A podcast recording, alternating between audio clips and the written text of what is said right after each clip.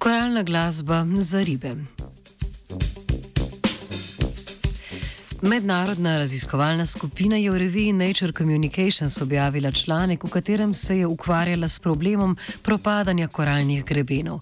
Na degradirane koralne grebene so želeli privabiti kolonije rib, ki bi tem območjem pomagale, da si jo pomorejo.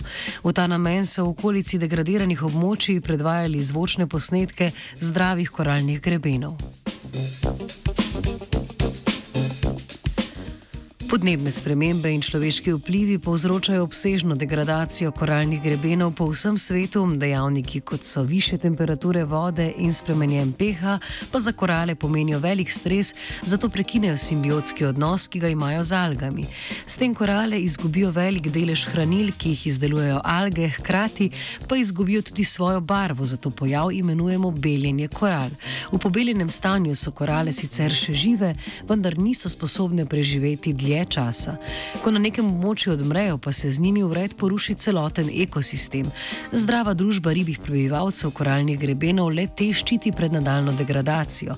Hkrati pa lahko pomagajo tudi pri okrevanju, težava pa je, da se ribe raje naselijo na koralnih grebenih, ki jim dišijo in zvenijo zdravo.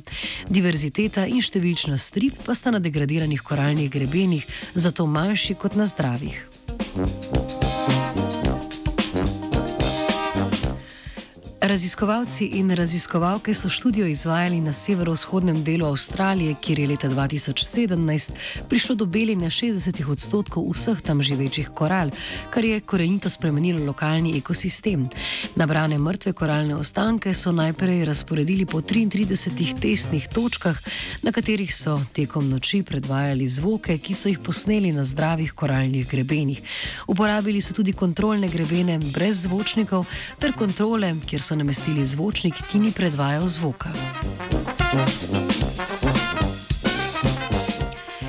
Grebeni, na katerih so predvajali zvočne posnetke, so veliko hitreje pridobivali ribje prebivalce. Po 40 dneh raziskave so na grebenih zvokom prešteli enkrat več rib iz skupine koralnic kot pri kontrolah, znatno pa se je povečalo tudi število rib drugih vrst. V primerjavi s kontrolo je bila na grebenih zvokom tudi 50 odstotkov večja raznovrstnost rib.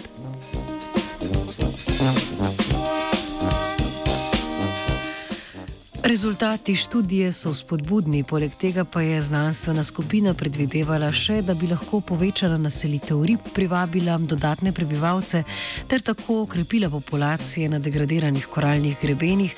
Dodali so še, da trenutna študija ni poskusila ugotoviti, kateri zvoki privlačijo največ rib, kar pa bi lahko določili s pomočjo prihodnih raziskav.